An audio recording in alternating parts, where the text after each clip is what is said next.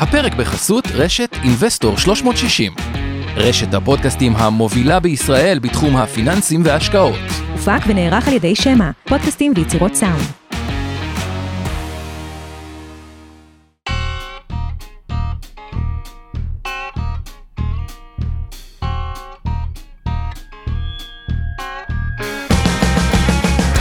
המשקיענים אבנר סטפאק ועומר רבינוביץ' בשיחה חופשית על התחומים החמים ביותר בעולם ההשקעות.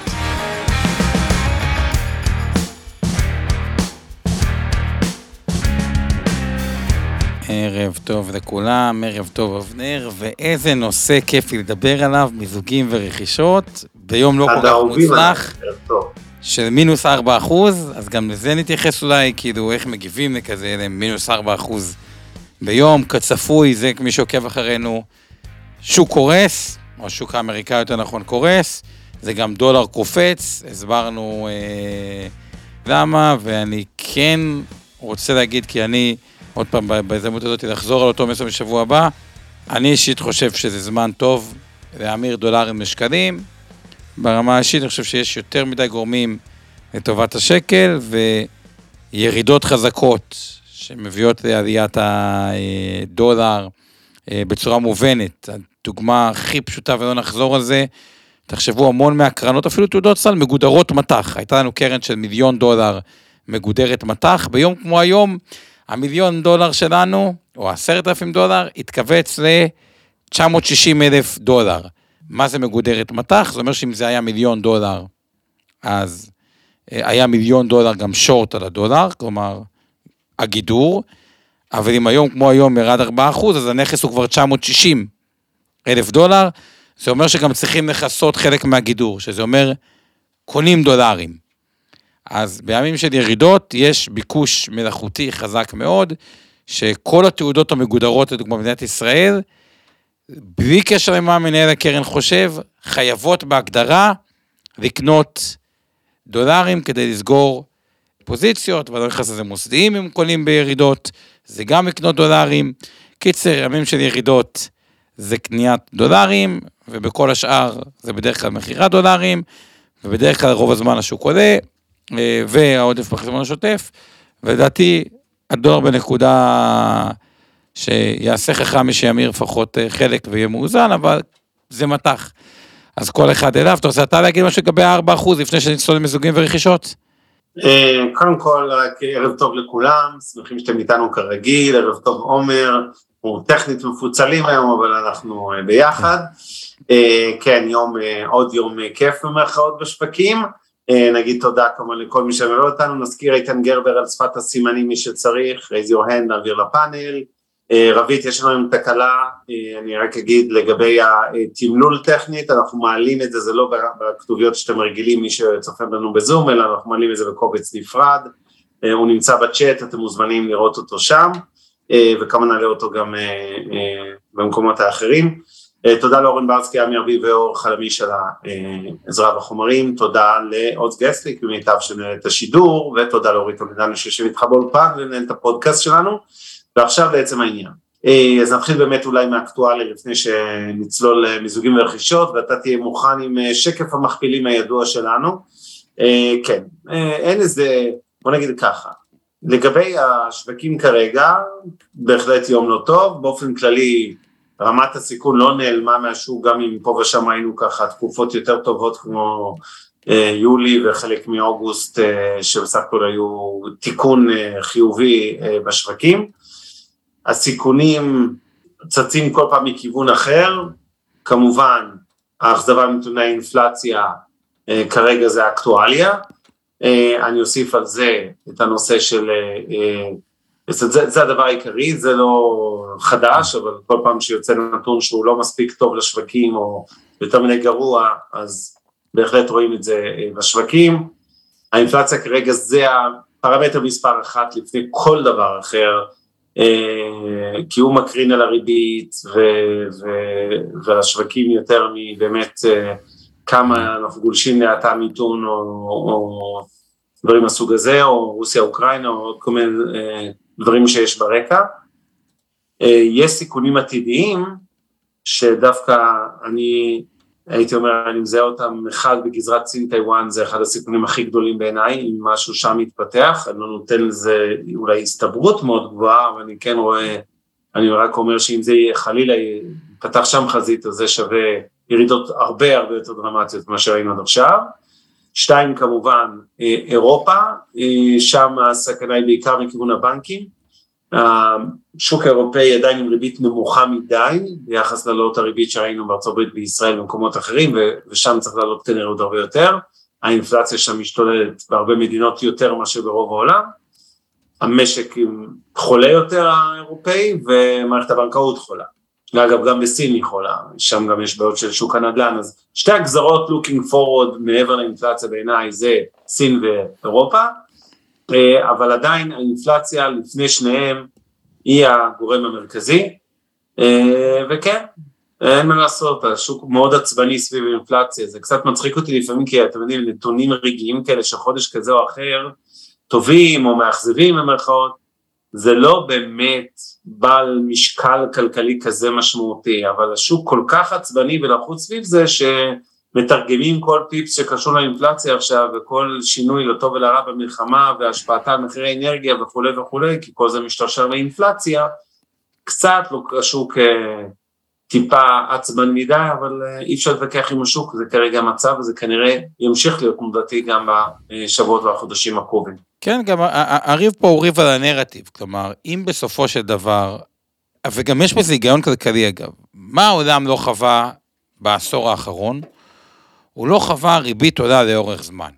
עכשיו, ריבית עולה לאורך זמן, לא ברור עד כמה נזק למודלים עסקיים של הרבה חברות היא, היא, היא גורמת, כי אל תשכחו, זה ריבית עולה פלוס קצת מיתון, מה שאומר פחות הוצאות צרכניות עם עלויות מימון עולות, האם זה מקצץ חמישה אחוזים מרווחי החברות, או ארבעים אחוזים מרווחי החברות. כאילו, לא, לא, לא ברור האפקט של זה, וגם לא ברור, ובוא נגיד ככה, זה הרבה אומרים, בתקופה של ריבית מאוד מאוד נמוכה, יותר קל להחביא נכסים רעים. מה הכוונה נכסים רעים? כל חברה היום גדולה, וזה אפרופו מיזוגים ורכישות, רכשנו חברה, והיא מופיעה בספרים, בוא נגיד חברה ששווה מיליארד דולר, רכשה חברה ששווה 300 מיליון דולר. אז כמה שווה בספרים, אבנר? 300 מיליון דולר. עכשיו, כשהריבית נמוכה, אוקיי, סבבה, מתחזקים, העסק break even, זה שקנו לא כאילו בדיוק ברור, אה, וזה, אבל זאת ה valuation. כשפתאום ריבית עולה, בוא נגיד, העסק שהם קנו זה איזה סטארט-אפ שלא בדיוק מרוויח כסף, ופתאום כולם נורא שמים דגש על הרווחיות, אז פשוט סוגרים אותו. עכשיו, מה זה אומר סוגרים אותו? סוגרים אותו, אנחנו מקצצים אותו, זאת אומרת, לקחנו נכס ששווה 300 מיליון דולר בספרים, והפכנו אותו לשווה אפס, או מחקנו אותו. עכשיו, זה סתם דוגמה. למה אני אומר סתם דוגמה?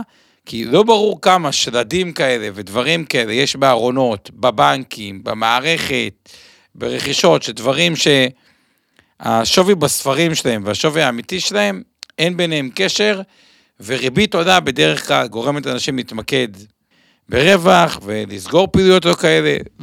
יש הרבה דברים שריבית עולה מציפה, שלא את כולם אה, יודעים. עכשיו, למה האינפלציה כל כך גורמת לעצבנות בשווקים? כי הנרטיב עדיין ששולט, וגם שכמעט כולם מאמינים בו, כי רוב מנהלי השקעות בעולם, לזה הם נולדו, אוקיי? סבבה, ריבית קצת עולה, האינפלציה תירגע, ואז היא תתייצב או תחזור לרדת. וזה עדיין הנרטיב השולט בשוק. יש את הנרטיב הנוסף של החבר'ה היותר ותיקים, מנהלי השקעות יותר ותיקים, אוקיי? אבא שלך דוגמה ביניהם, שבאמת חוו ריבית אה, גבוהה לאורך זמן, או אינפלציה מאוד מאוד גבוהה לאורך אה, זמן, או היפר אינפלציה ודברים כאלה, ואומרים חבר'ה, לא משנה מה אומרים, עד שהנגידים לא מכניסים את העולם, הם לא יקבלו אינפלציה גבוהה. יהיה מיתון, יהיה אבטלה, חמישה אחוז, עשרה אחוז, חמש, עשרה, אני בכוונה מקצין טיפה. לא משנה מה קורה, הם יורידו את האינפלציה. אי אפשר להתנהל בעולם של אינפלציה משתוללת, מקבלים כאוס, כמו שאתם רואים בטורקיה, או ונצואלה, או כל מיני מדינות כאלה. ואם האינפלציה לא נרגעת, אז הנרטיב השני של כאילו, הנגידים יכסחו הכל, העיקר אה, להשתת על אינפלציה, הוא, הוא, הוא מקבל את היותר במה. אז, אז זה גם מאבק, זה גם מאבק בין נרטיבים, ש, ש, ש, שעושה את השוק קצת אה, כמו שאבנר אמר, ובואו נראה לתוך איזה מכפילים אנחנו עם הדבר הזה. שאבנר, אתה כן, רוצה להוסיף על זה משהו? אה, אני רק אגיד קצת מהערות הקהל בינתיים שאני קורא פה ברקע.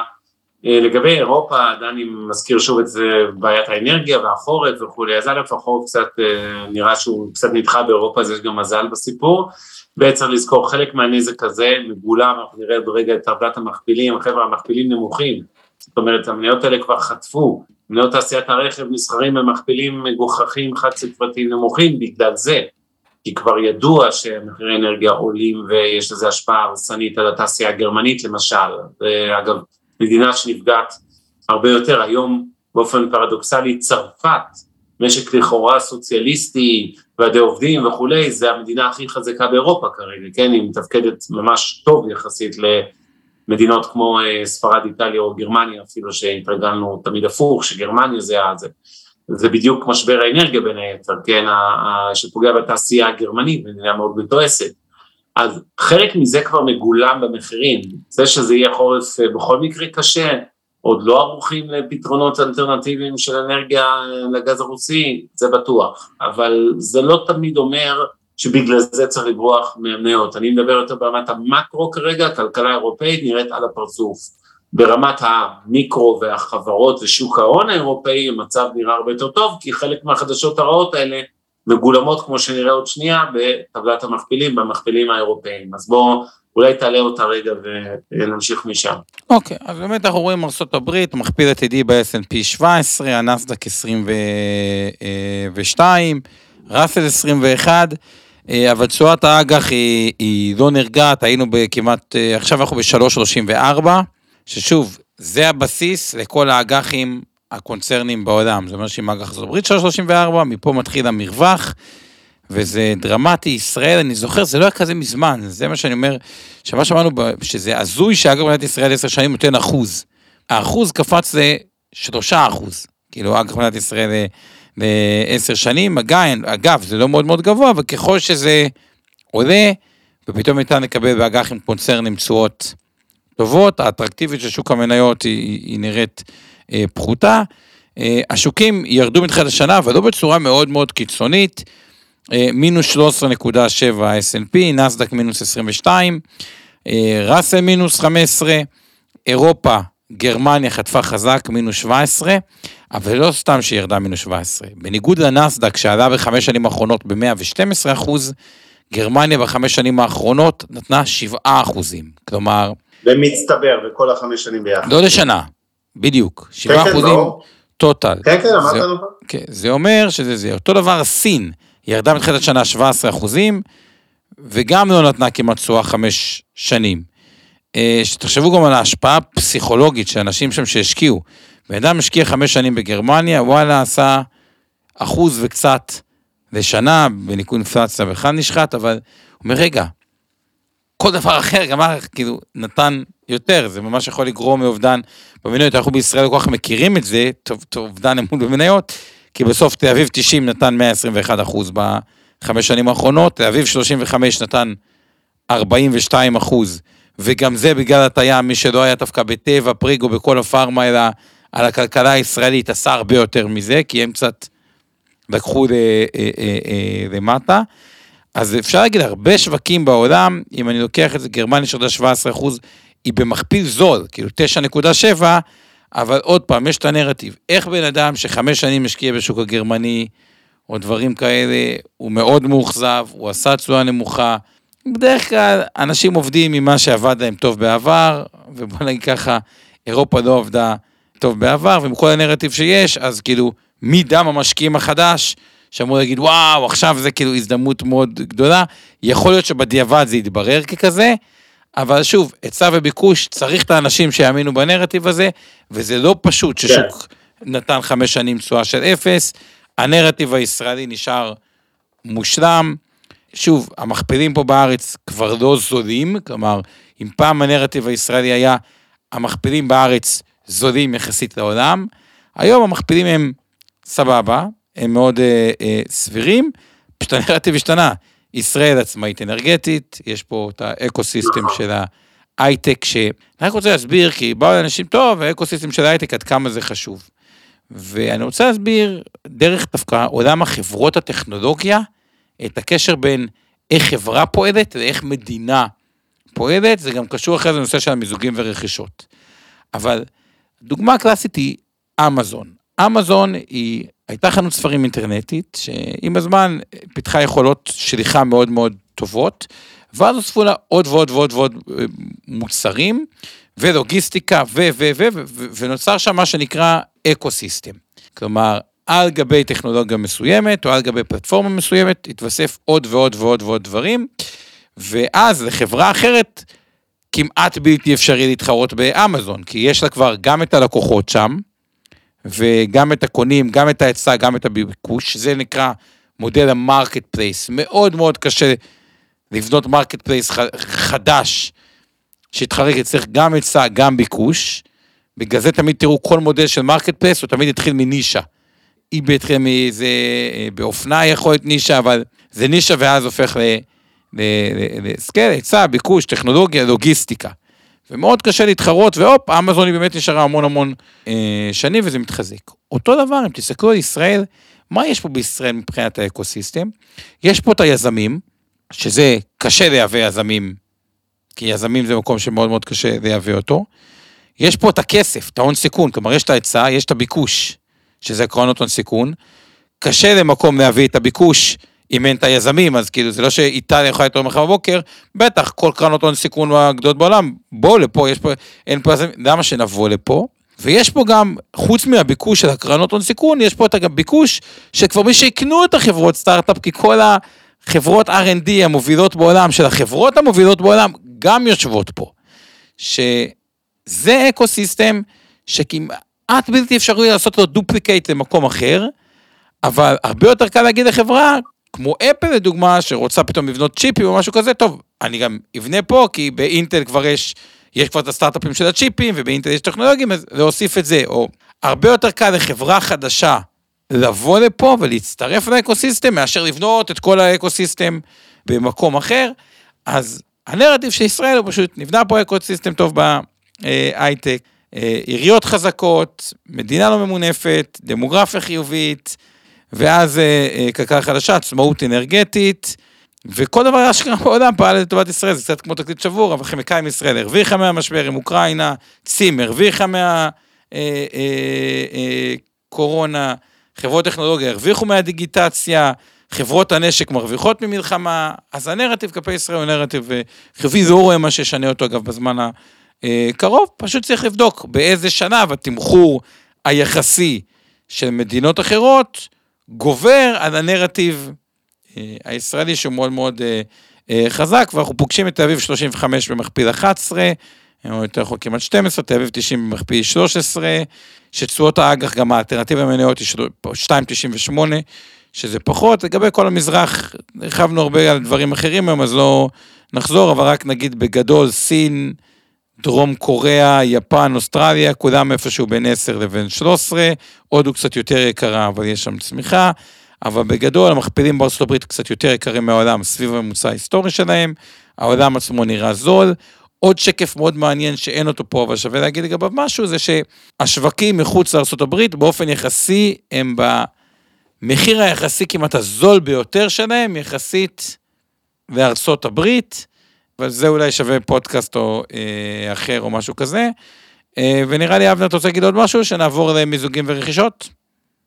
כבר נעבור, אני כן אגיד שלגבי אה, הניתוח שלך של השוק הישראלי, אני מסכים בבסיס, כלומר, הכלכלה שלנו יחסית פנטסטית, באמת, כאילו, כל האירועים האלה תופסים אותנו באחד, אובייקטיבית היום, אחד המצבים הכי טובים אה, ביחס לאירופה, ארה"ב, אסיה וכולי, אבל יחד עם זאת, צריך להגיד בכנות, שכשיורד גשם בשווקים כולם נרטבים, עם המשבר הזה, בין אם הכלכלות הריאליות ובין אם רק בפיננסים יחריף, זה אה, די מהר מגיע לתל אביב, ובטווח הקצר לא עושים כזאת הבחנה, ואומרים, אה, אבל ישראלי במצב טוב, יכול להיות שנרד פחות כמובן אם יהיו ירידות, אבל זה לא באמת משנה דרמטית כרגע, אבל מה שיותר חשוב לי זה מאשר בבורסה, איך יגיבו מניות או אגרות חוב קונצרניות בשבועות הקרובים, זה באמת העניין של הכלכלה, אה, זה החיים שלנו בסוף, אה, והכלכלה הריאלית נראית בסך הכל במצב חזק מאוד בישראל ביחס לעולם. ועכשיו, בואו למנה העיקרית, מיזוגים ורכישות. אתה. רוצה אוקיי. להתחיל, עומר? אז כן, אז אני אתחיל במיזוגים ורכישות. מה אנחנו נעשה לעשות פה בעצם בפודקאסט? לתפיסתי, אה, יכול להיות שעוד מעט בשווקים, או כבר יכול להיות, יש הרבה חברות, נורא כיף להתעורר עם מניה שקמים בבוקר, כמו שקרה עם טאוור הישראלית, הופה, הודיעו, אינטל קונה, נסגרה עסקה, טה טה צ'ינג, פלוס 40 אחוז לחשבון הבנק, משהו אה, כזה. קרה עם איירון סורס, זה היה פחות שמחה וששון, כי היא ירדה 75 או 80, לא יודע, ירדה הרבה דרומה, ואז הודיעו שיוניטי נגיד קונה את איירון סורס, אבל שוב, באותו יום קפיצה, וגם לא מעט עם חברות פרטיות, ונשאלת השאלה שאנשים אומרים, רגע, איך אני יכול להיות בתוך זה? כי כאילו, למה, איך אני מאתר חברה שכזו אה, עם פוטנציאל להיקנות, אגב, קרה עם מלנוקס אה, NVIDIA, ובוא נבין, בשביל לענות על השאלה הזאת, בוא נבין למה בכלל מיזוגים קורים, וזה גם יענה על עוד שאלה חשובה, למה שוק ההון תמיד עלה ותמיד יעלה. כאילו שזה קצת אמירה אה, ביום שיורד מינוס 4 אחוז, קצת אה, אבל, אבל להסביר את זה מבחינה כמעט מתמטית, כאילו נורא קשה, זה מדעי התנהגות, כמעט קשה להגיד מתמטית שזה יקרה, אבל, אבל, זה יותר מתמטי מכל דבר אחר, ולמיזוגים והרכישות יש איזשהו אה, אפקט בזה. אז בואו נסביר למה השוק תמיד יעלה, איפה נכנס המיזוגים והרכישות בתוך הדבר הזה, ואיזה חברות, סוגי חברות, יש סיכוי יותר סביר שאתם תתקלו בתיק השקעות שלכם, ויהיה צ'אצ'ינג כזה שזה עלה. אה, אני אתחיל להבנר או שאתה רוצה עוד משהו שנכסה? לא, לא, תמשיך, כן. אוקיי, אז שוק המניות בעולם הוא בסוף סך ה... לאורך זמן יעלה בגודל גידול הרווחים, כשלפעמים המכפילים מתרחבים אז הוא יעלה קצת יותר, ולפעמים קצת אה, יעלה פחות. למה רווחים עולים ולמה הם ימשכו לעלות מבחינת המתמטיקה? אה, סך הרווחים זה סך הצריכה של מעמד הביניים בעולם, מי שצורך את, ה, את האייפון או את המחשב או את ה... סליחה, זה בסוף מעמד הביניים בעולם. ובמערב אולי קצת קשה לראות את זה, אבל מעמד הביניים צומח בצורה בלתי רגילה. לאדם גם קשה לקבל את זה, שכאילו, רוב הכסף, כאילו, בסוף המערב, שהוא מרגיש שאנחנו שותים בנשק, בכוח, בכל הדברים, היה זה בדיוק כתבה, אבל רוב העולם זה בסוף המזרח הרחוק, הוא חלק גדול מאוד מהעולם, זה מדינות כמו הודו, סין, אינדונזיה, וייטנאם יש, ושם מעמד הביניים גדל בצורה בלתי רגילה, זה מדינות שבמהות שלהן לא היו מפותחות והופכות להיות מפותחות, ואנשים שם קונים יותר, אגב זה גם קרה במערב אה, אה, לפני זה. זה אומר שסך הכל קונים יותר טסלות, יותר אפלים, אה, יותר אה, לואי ויטון, או לא משנה מה, אה, כל אחד ומשהו מתחבר, אולי פחות מתחברים, אבל יותר אופנה, יותר דברים, סך הכנסות של החברות גדלות. עכשיו יש את המשוואה, רגע, האם הצמיחה הזאת שמצליחה להיות, היא גם נהיית יותר רווחית? אז התשובה היא כן פעמיים. כן אחד, הוא בגלל שפריון עולה, בלי קשר לכלום, פריון, אה, הנה אנחנו פה בזום, וואלה, מה שאנחנו עושים פה הוא מאוד מאוד אה, יעיל, אה, בדיוק, יודע, נשיג את מספרי, את המספרים. נחמיא לעצמנו, לא, כן. אני לא אומר טוב או לא טוב, זה כל אחד, כל מאזין ישפוט בעצמו. אני אומר יעיל.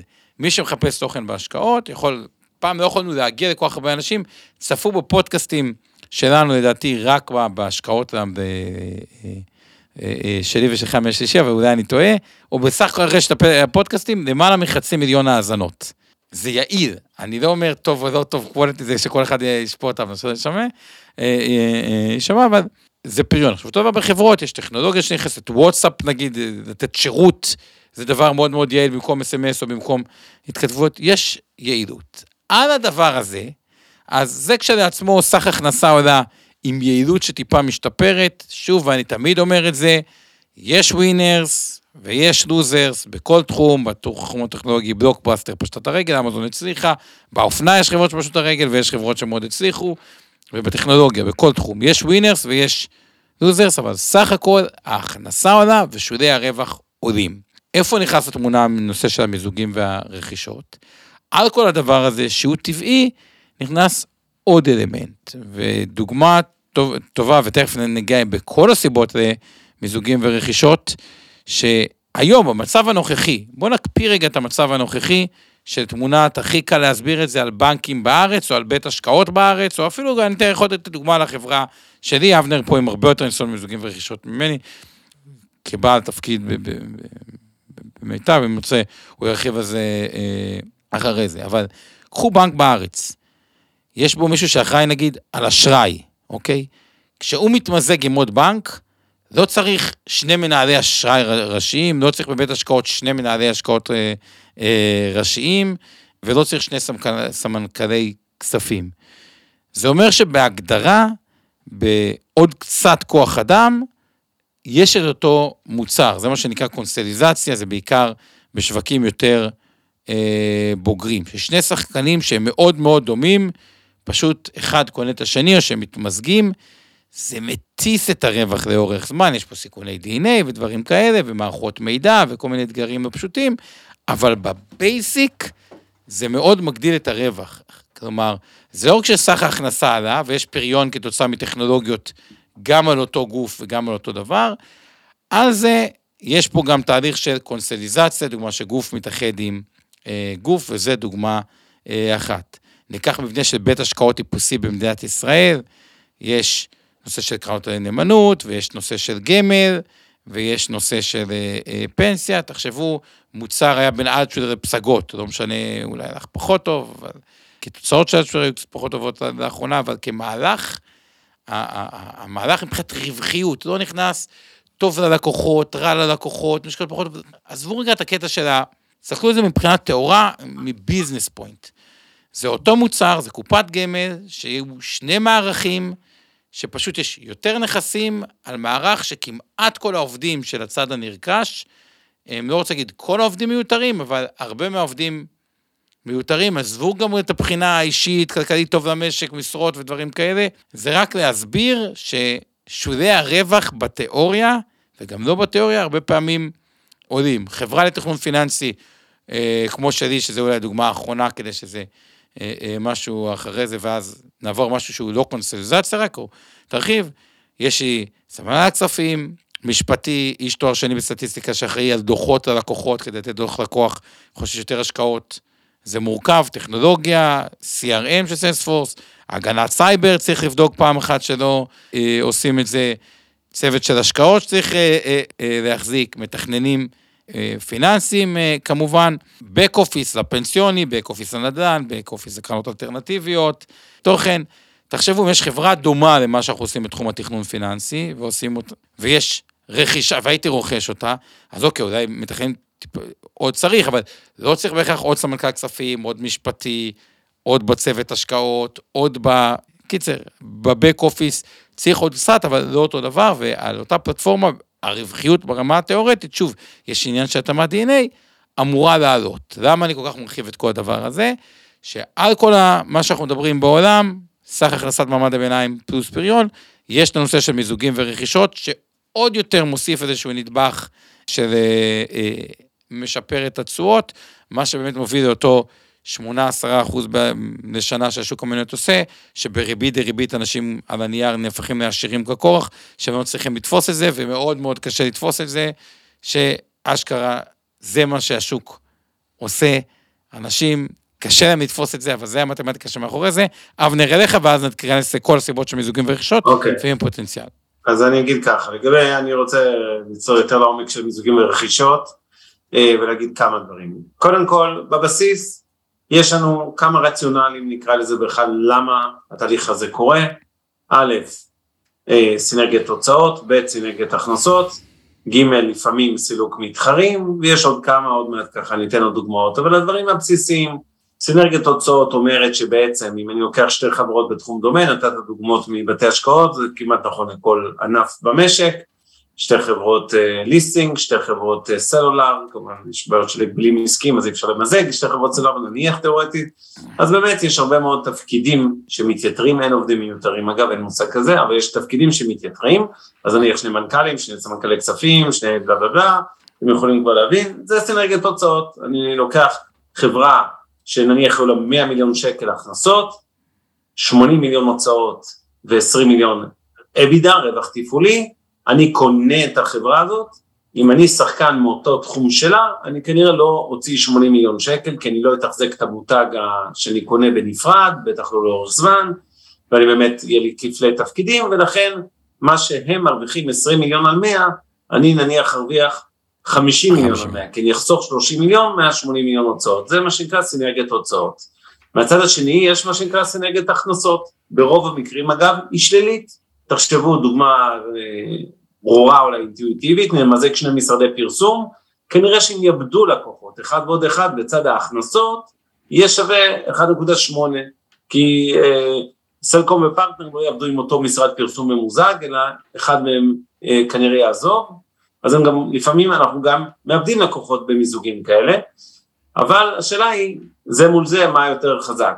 אה, ברוב המקרים, כן, סינרגיית ההוצאות היא גדולה יותר, מהנזק של סינרגיית ההכנסות שלי. עכשיו יש גם מצבים שסינרגיית ההכנסות היא באמת חיובית ולא שלילית כמו שאמרתי, אוקיי? אני יכול להיות חברה שעושה פרויקטים בתוכנה, כמו כל החילן, אמן, מחשוב ישיר וואן ומטריקס וכו', ואני אקנה עכשיו איזושהי חברת נישה בתחום של, שלי, עושה שמתמחה בפרויקטים בתחום הסייבר, אני יודע שכארגון גדול אני יכול לארגן עוד לקוחות, עוד פרויקטים אצל לקוחות אחרים שלי, אז אני בעצם מייצר סינרגיית הכנסות חיובית, אני, אותה חברה עם 100 מיליון שקל ו-20 מיליון רווח, אצלי לא רק שאני אחסוך 30 מיליון בהוצאות, אלא לצורך הדוגמה, אני אגדיל את ההכנסות מ-100 ל-150 מיליון, כי אני יודע להביא לה עוד לקוחות. אגב, כששואלים איך חברות התוכנה בארץ, מה שאמר, איך חברות התוכנה בארץ כל כך צמחו, הרבה מזה זה בול הדוגמה שאבנר הביא, ועדיין מביא, זה פשוט חברות שהבעיה שלהם,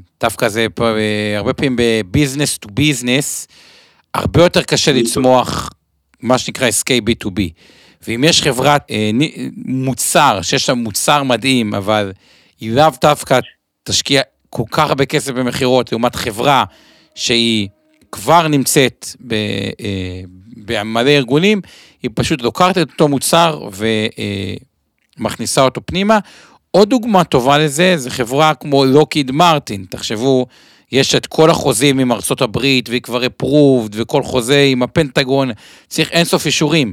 חברה אחרת שמוכרת נשק, איך היא תשיג את כל האישורים האלה, ואז נכנסת לכזה אה, חברה, יכולה לקבל עוד הרבה חוזים, עוד הרבה דברים. כלומר, זה גופים שיש להם מוצר מדהים עם בעיית marketing מסוימת, זה, זה הגופים הקלאסיים בסינרגיית ההכנסות, ולמה מתעכב על זה טיפה? כי הרבה פעמים דווקא את הצד, דווקא חברות שיודעות לעשות את זה והוכיחו לעשות את זה again and again and again, הן חברות מאוד מעניינות, כי זה מודל צמיחה מאוד מאוד מעניין, חברות שיודעות לקנות חברות נישה. אליך, אבנר. אגב, טבע שעשתה שנים עד הטעויות שלה עם אלרגן, שיגאל ירדני מזכיר לנו פה בצ'אט, בצדק, סך הכל עשתה עשרות רבות של רכישות של חברות תרופות אחרות, בדיוק ניצלה את סינרגיית ההכנסות הזו, שהיא כבר הייתה חברת הגנריקה, התרופות הגנריות הגדולה בעולם, עם יכולות הפצה מטורפות בכל העולם, ואז בעצם אומרים אוקיי, נקנה חברה בהודו ונמכור את המוצרים שלה באירופה וכל הערוצי ההפצה האחרים שלנו, ופשוט היו במסע, אגב, של עשרות שנים של רכישות, עד שהגיעו כמה תקלות, אלרגן זה דוגמה, אני לא זוכר בדיוק את הטעות באלרגן, זה לא הפואנטה, לפעמים הטעות, צריך להגיד עוד דבר על אה, מיזוגים ורכישות. יש גם קצת הבדל בין מיזוג לרכישה.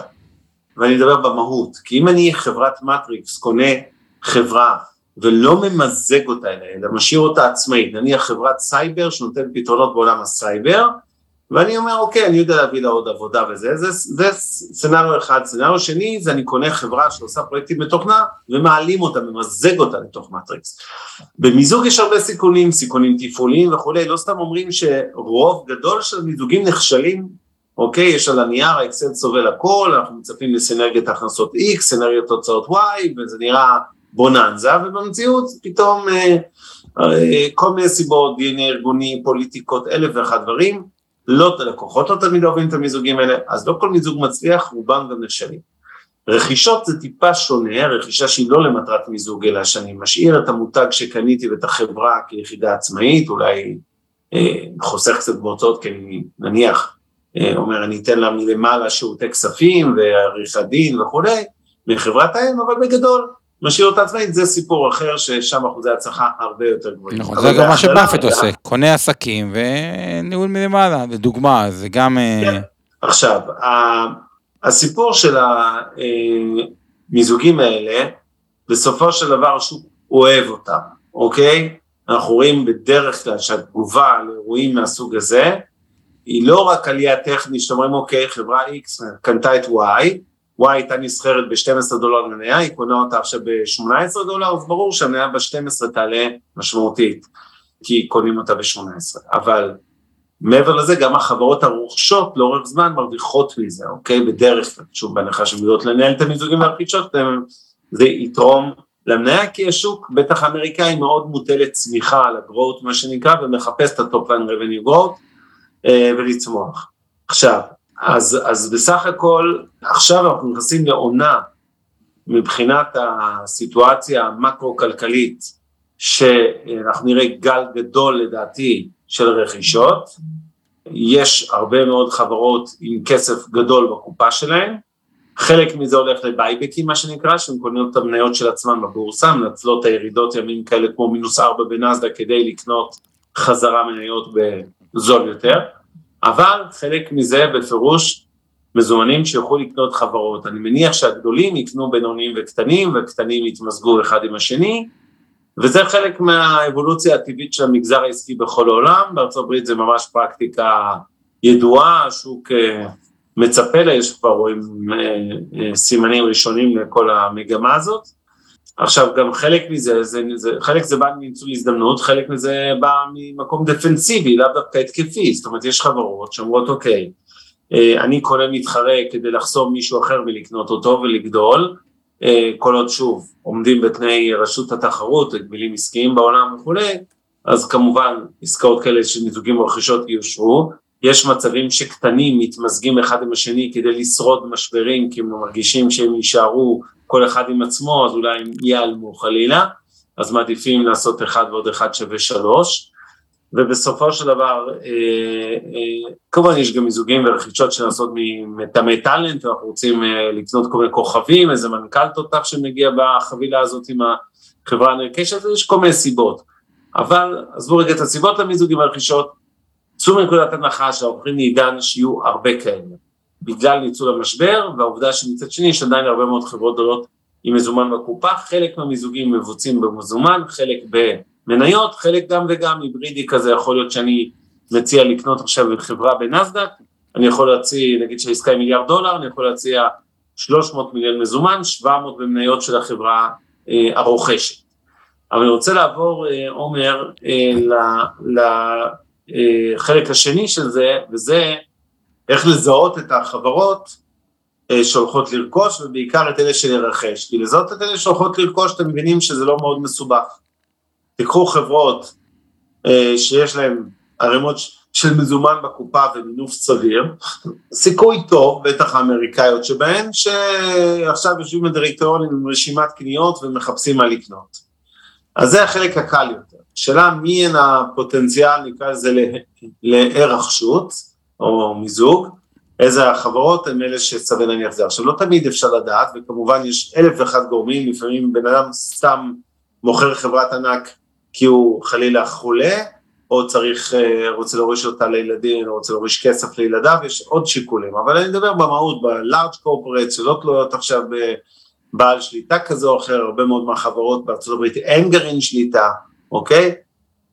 ואגב, כשבאים לדירקטוריון ומציעים לקנות את החברה, הם חייבים להתייחס להצעה, זה לא שאפשר להגיד לא בא לי למכור, לא מעניין אותי, תציע לי גם עשרה מיליארד דולר כשהחברה נסחרת בבורסה בשניים, לא מוכר, יש חובת נאמנות של הדירקטוריון ובעלי השליטה לבעלי המניות, ואם עכשיו לצורך העניין קיבלו הצעה דרמטית, שאין חלילה איזה חשש שהיא גורמת איזה נזק מהותי, אז, אז הם אמורים לקדם משא ומתן לעסקה. ואז השאלה, ואני מחזיר את זה אליך, אומר איזה חברות, אילו חברות אתה בעצם, איך אתה מזהה שחברה הולכת אולי להירכש, כי הרבה פעמים רואים הפתעות כאלה כמו אינטל טאוור ואחרות שוואי קמים בבוקר עכשיו זה לכולם נראה נורא הגיוני אבל אף אחד לא ידע שזה הולך לקרות.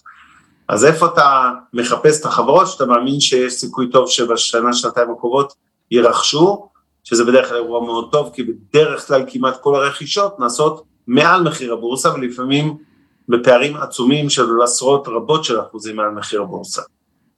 נכון, אז קודם כל רק אולי להוסיף למה שכאילו אבנר אמר, כי בשוק הישראלי לאו דווקא מבינים את זה כמו השוק האמריקאי, כי הוא שוק לוקאלי וקטן, וכאילו יש יותר מקום לחברות נישה. כדי להסביר את זה אולי בפעם. ה... או איך שהאמריקאים תופסים את זה, בארה"ב יש סטנדרט. זה אומר שבהגדרה, כמעט הגדרתית, אין הצדקה להרבה חברות באותו אה, תחום, וזה שוק שהרבה פעמים באמת הווינר סטייק איט all or most, כלומר, וולמארט באמת יש לה כוח קנייה יותר טוב משל חברה אחרת, וזה שוק שבגלל שהכל סטנדרט והיתרון ה scale הוא, הוא, הוא גדול, זה נורא טריוויאלי. עכשיו, בתוך ה scale הזה, בואו נראה איזה חברות מתאימות להיות הנרכשות. אז קודם כל, תנאי ראשון, ברמה האבסולוטית, זה שהשווי שוק הוא לא ענק. כלומר, אני אגיד לכם איזה חברה כנראה לא הולכת להירכש בשנתיים הקרובות, אפל, אוקיי? אני... אה, תודה רבה. אפל לא הולכת להירכש, כי פשוט מאוד מאוד גדולה בגודל. ועוד אני אפיל אתכם מהכיסא, טה-טה-טה-טה, מייקרוסופט גם לא הולכת להירכש. הן הולכות להיות אולי מהרוכשות. עכשיו, מה הרגולטור צריך להסתכל, יפה, אז התנאי הראשון הוא לא להיות סופר אה, גדול, התנאי השני הוא גם לא להיות מספיק גדול שהרגולטור לא בהכרח יאשר, מה הכוונה? ניקח את שוק ה- CRM ים, סיילספורס היא חברה גדולה מדי בשביל שמייקרוסופט תרכוש אותה, כי כאילו, זה התחרות. סלקום פרטנר ופלאפון ניקח בארץ, אולי כתוצאה מקריסה או משהו כזה, אז כן יהיה יכול להיות מיזוג בתיאוריה, אבל זה מאוד לא טבעי לרגולטור לאשר אה, מיזוג או רכישה של סלקום את פרטנר או פרטנר את, את סלקום. כלומר, מי שגדול מדי, אה, שיהיה המון בהצלחה. נגיד בארץ לא יהיה מיזוג של חברות ביטוח, והרבה פעמים סתם קחו חברה כזאת שהיא באמצע, לא יודע אם אפשר להגיד את זה כזה, איילון כזה שהייתה, אז מי בדיוק אמור לרכוש אותה? חברות הביטוח הגדולות לא יאשרו להם, אז כאילו, ואז אתה מתקיים משהו בינוני בלי ה-economic of, of scale, כי כאילו, כדי לייצר יותר רווחיות, או בשביל להיות גוף רווחי, צריך להיות בדרך כלל גדול בתחום מסוים. מי כן? חברות שיש להן אינטרוול שהן מאוד מאוד טובות בו, והוא מתאים לאסטרטגיה של חברה גדולה. עכשיו, זה כל אחד יכול יותר להכיר את זה מהתחומים אה, גם אה, שלו, סתם דוגמה מעניינת שהייתה, לא יודע אם יאשרו אותה, כי זו דווקא חברה גדולה, אבל קחו חברה כמו בליזארד, שהיא מתחום הגיימינג, יש תחרות בתחום הגיימינג, מייקרוסופט רוצה לחזק שם, אי אפשר לטעון שבתחום הגיימינג מייקרוסופט היא חזקה, יש שחקני ענק כמו טנסנט הסינית, וכאילו, מאוד אה, אה, גדולה, אי אפשר לטעון שמייקרוסופט פוגעת בתחרות בגלל שהיא רוכשת בליזארד, פשוט אם היא רוצה להיכנס לתחום הגיימינג, היא כנראה תצטרך חברה מאוד מאוד מאוד מאוד חזקה בתחום הגיימינג כדי לעזור לה. כן. אז זה דוג, דוגמה, אותו דבר, טאוור הייתה חברת נישה, ואז חברה כמו אינטרנט אולי רוצה להיכנס לנישה הזאת, היא קנה לגבי מלאנוקס, שהייתה נישה של NVIDIA, הרבה פעמים זה גם יכול להיות ספק שיש בו יחס מאוד אה, אה, הגיוני, שהצד ה... אה, פשוט ספק חזק של מישהו, אם הוא לא ספק של הרבה אנשים, זה הרבה פעמים קורה בשוק דווקא הפרטי, סטארט-אפ שכאילו נועד בשביל למכור ויש לו לקוח מרכזי, שיקנו אותו, והרבה פעמים זה לא בשוק הפרטי. אז בגדול כבר שני דברים, פרדים ואז פינג פונג, אתה תגיד משהו, אני אגיד משהו, אני גם אשמח שאולי תיתן אתה אחרי זה אולי כמה מילים מהניסיון שלך על מיזוגים ורכישות, כי זה גם יכול להיות מעניין אה, ככה ברמה, מי שככה יותר מתעניין זה אפילו ברמה העסקית של הדבר הזה. אז זה חברות שהן בדרך כלל טובות אה, בתחומם, לא יפריעו, אפשר לראות איך רגולטורית מאשרים את זה, כלומר, עוד פעם, גם מראה לא תימכר למגדל וכלל לא תקנה את זה, זה מן הסתם אה, ברור, כלומר, חברה שהיא מספיק קטנה כדי שגדול יוכל לבלוע אותה, אה, וזה יכול להיות אגב מכיוונים אה, שונים, היא צריכה להיות טובה במה שהיא עושה, ולעניין כיוונים אסטרטגיים של שחקנים גדולים, לאו דווקא בחפיפה מושלמת, מובילאיי דווקא זו דוגמה טובה, פשוט מאוד טובה באינטרוול הספציפי שהיא עושה, ויכולה לעניין המון חברות רכב שרוצות להיכנס אה, לתחום, או שחקן גדול, או ספק של שחקן גדול. אז בוא תיתן ככה את הקו מחשבה, ואז יש עוד כמה דברים להגיד, אבל נעשה איזה פינג פונג. תראה, קודם כל, אה, טוב, אנחנו כבר מתקרבים באמת לסיום, אבל אני אגיד ככה. ברור, החברות האידיאליות הן חברות קטנות בינוניות בתחומן, אגב לפעמים בינוניות עוד יותר בלחץ, עם אחר, כי הן קצת תקועות באמצע, הן לא גדולות מספיק מבחינת יעילות של תפעולית ורווחיות, והן לא קטנות מספיק, שהרבה פעמים דווקא אלה יודעות לשרוד יותר טוב.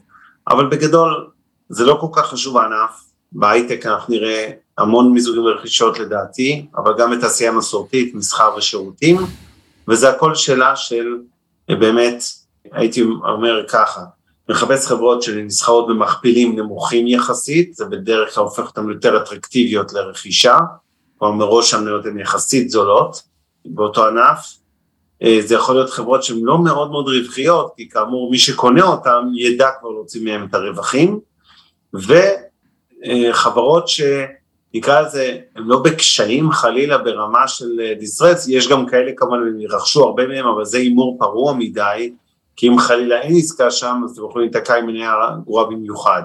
אבל כן חברות שהן יותר צפופות, נקרא לזה ברמת המינוף שלהן וכולי, הרבה פעמים אה, הופכות להיות יעד אה, לרכישה.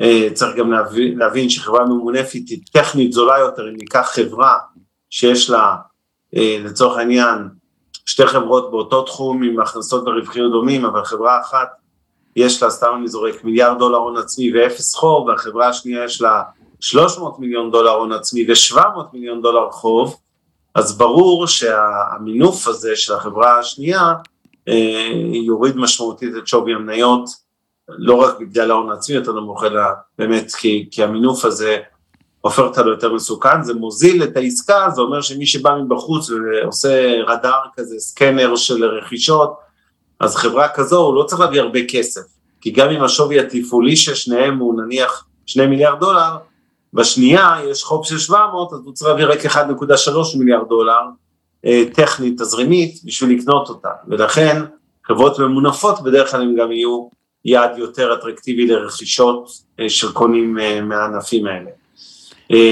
אולי ניתן דוגמה גם ברכישות, יש כן. מי שמשקיע בחברות כאלה, יש שתי דוגמה, אני אתן לכם דוגמה שאני חוקר היום, אגב, אני לא יודע אם תצליח לי או לא תצליח לי, אבל דווקא אני אביא לכם דוגמה שהיא דווקא מסוכנת, כלומר, שהיא ממש לטרגט את האסטרטגיה אה, הזאתי, ואחרי זה הבאתי אולי דוגמה פחות מסוכנת. אז דוגמה הראשונה, אני חוקר חברה, נקראת, בדיוק עשיתי עליה מנוי כדי להבין את ה-quality of product שלה, שנקראת Curiosity Stream, מי שרוצה להסתכל אחרי זה, C-U-R-I. כבר אגיד את זה, מניה סופר מסוכנת, אוקיי, אבל ממש תרגות על האסטרטגיה הזאת. מה המצב של החברה הזאת וכאילו מה הרציונל? יש לה נכס שנקרא 25 מיליון מנויים, היא בתחום סטרימינג, והיא מתמחה בסטרימינג של תוכניות היסטוריה, טבע, ביוגרפיות על אנשים, כאילו מאוד מאוד נישה, זה הבן אדם שהיה במי שמכיר אה, את הבחור, לדעתי זה היה מדיסקאברי, נקרא, זה history, society, nature life, אתם מבינים את הרעיון, מי שהקים אותה רק אה, הוא מאוד מאוד אה, מוכר.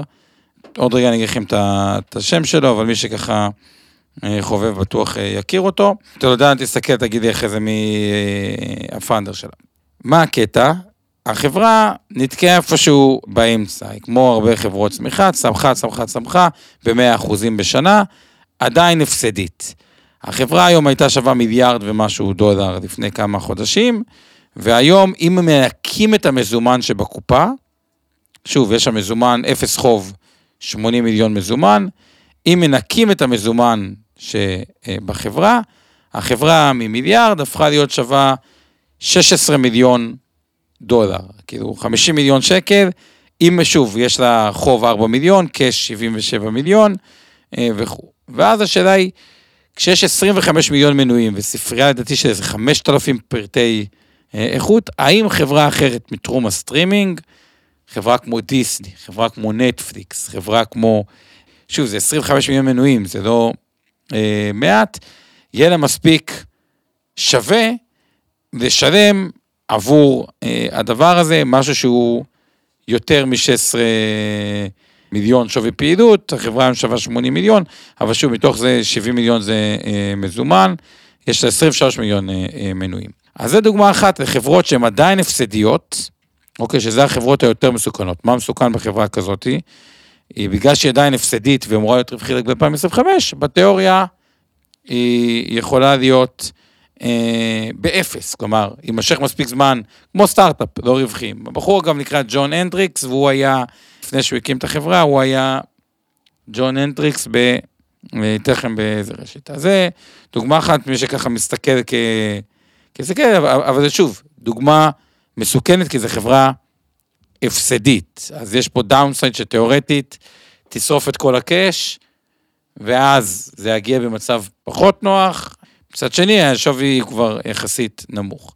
הדוגמאות השניות שיש, זה חברות שאגב, אני יותר אוהב את האסטרטגיה השנייה וצריך למצוא אותן, שהם יצאו מה dangers של ה... אה, נקרא לזה הפשיטת רגל הפוטנציאליות, חברות שהן לא רווחיות, ונסחרות במכפילים יותר גבוהים, יותר נמוכים, ובאמת הם פוטנציאל לרכש. אבנר אליך, אולי אתה רוצה זה? אה, אה, אין לי הרבה מה להוסיף, אני רוצה בעיקר להתייחס להערות של הקהל לפני שניפרד, שאלות של הקהל, הערות של הקהל. פרוטרום, חברת תרופות, חברת תרופות, התמציות מזון, דוגמה מעולה לחברה שגדלה ממסע רכישות מטורף ונמכרה בעצמה ב-7 מיליארד דולר, זה מספר דרמטי. בהחלט אה, גאווה לתעשייה הישראלית, החברה הזאת. אגב, לבחור אחת אה, מהאסטרטגיות. אני, אני אישית לא אוהב מיזוגי ענק ודברים כאלה, כי יש פה סיכוני DNA, ונגיד מה שטבע עשה, ארז, באמת, באסה למדינת ישראל, פשוט יצא... עשה טעות, טעות קשה, זה, זה...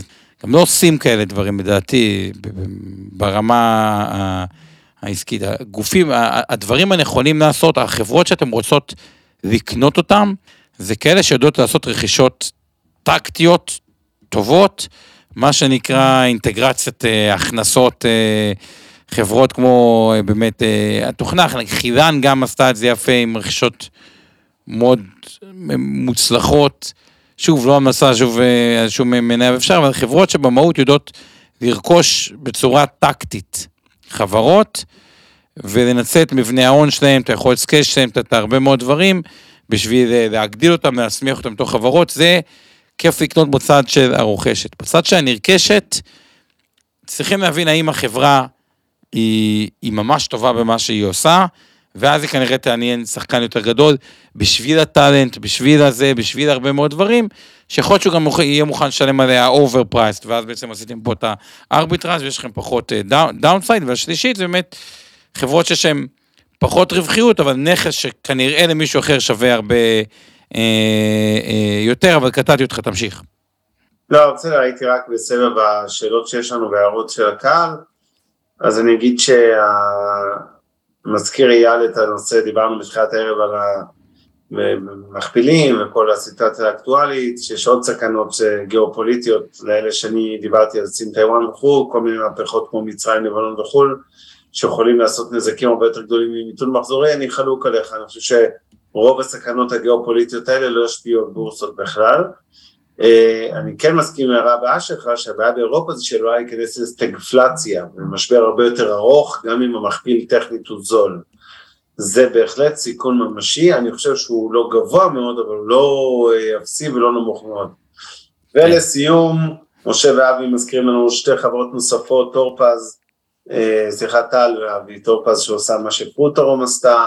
נכון, רכישות טקטיות, נכון, זה אחלה דבר. וברודקום שעושה אותו דבר, הרבה מאוד מיזוגים רכישות. נראה לי שמיצינו לערב, ועומר, יש לך עוד משהו אחרון להגיד לפני שניפרד מכולם? אתה רוצה להגיד אתה משהו תוך... אה, דבר. הניסיון שלך קצת, מיזוגים ורכישות, בכל זאת עשית ב-2008, היה לך סיפור מעניין שסיפרת לי ב-2008 על משבר אישי שהפך לזה, אולי תן קצת, אה, לא יודע, אני אהבתי אותו. בקצרה, אני מאוד מאמין בזה, עשיתי קרוב ל-50 עסקאות עד היום, שרובם היו רכישות, מיעוטם מיזוגים או מכירות. אה, מיטב ודש כמובן היו המיזוג הכי גדול. אני כן אגיד שאני מאוד מאמין בזה, זה עובד מצוין וכולי. אה, מצד שני, גם בשוק שלי, אבל אני חושב שגם הרבה תחומים אחרים, ההרגשה שלי שעוד יהיו הזדמנויות יותר מעניינות בהמשך.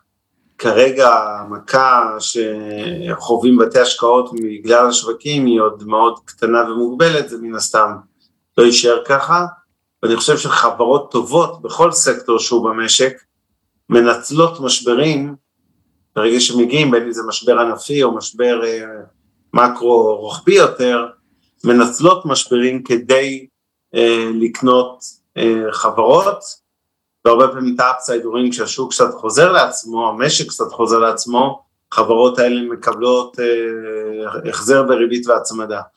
אז אני אישית מאוד מאמין בזה, לא כל חברה עושה את זה טוב, אבל בארצות הברית, הרבה יותר מישראל, יש הרבה מאוד סיפורי הצלחה והרבה מאוד חברות שבאמת מתמחות בזה. עשית איזה קצר אך אה, לעניין. מה לעשות, הגענו, עברנו את עשר. אז אה, נגיד תודה וניפרד. כן.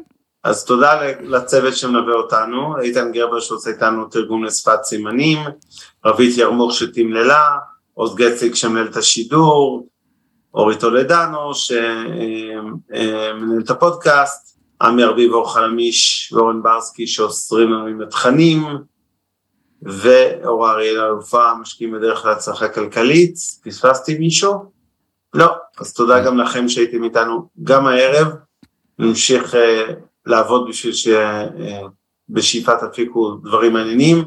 אה, אני כן אפנה אתכם לפודקאסט המוקדם יותר של הערב, ההשקעות למתחילים שעסק באג"ח קונצרניות, ואני חושב שעשינו שם ניתוח מאוד מעניין שאתם מוזמנים לשמוע, לקרוא, לראות, whatever. אז תודה רבה ולילה טוב. לילה טוב לכולם, ביי ביי. הפרק בחסות רשת אינבסטור 360. הופק ונערך על ידי שמע, פודקאסטים ויצירות סאונד.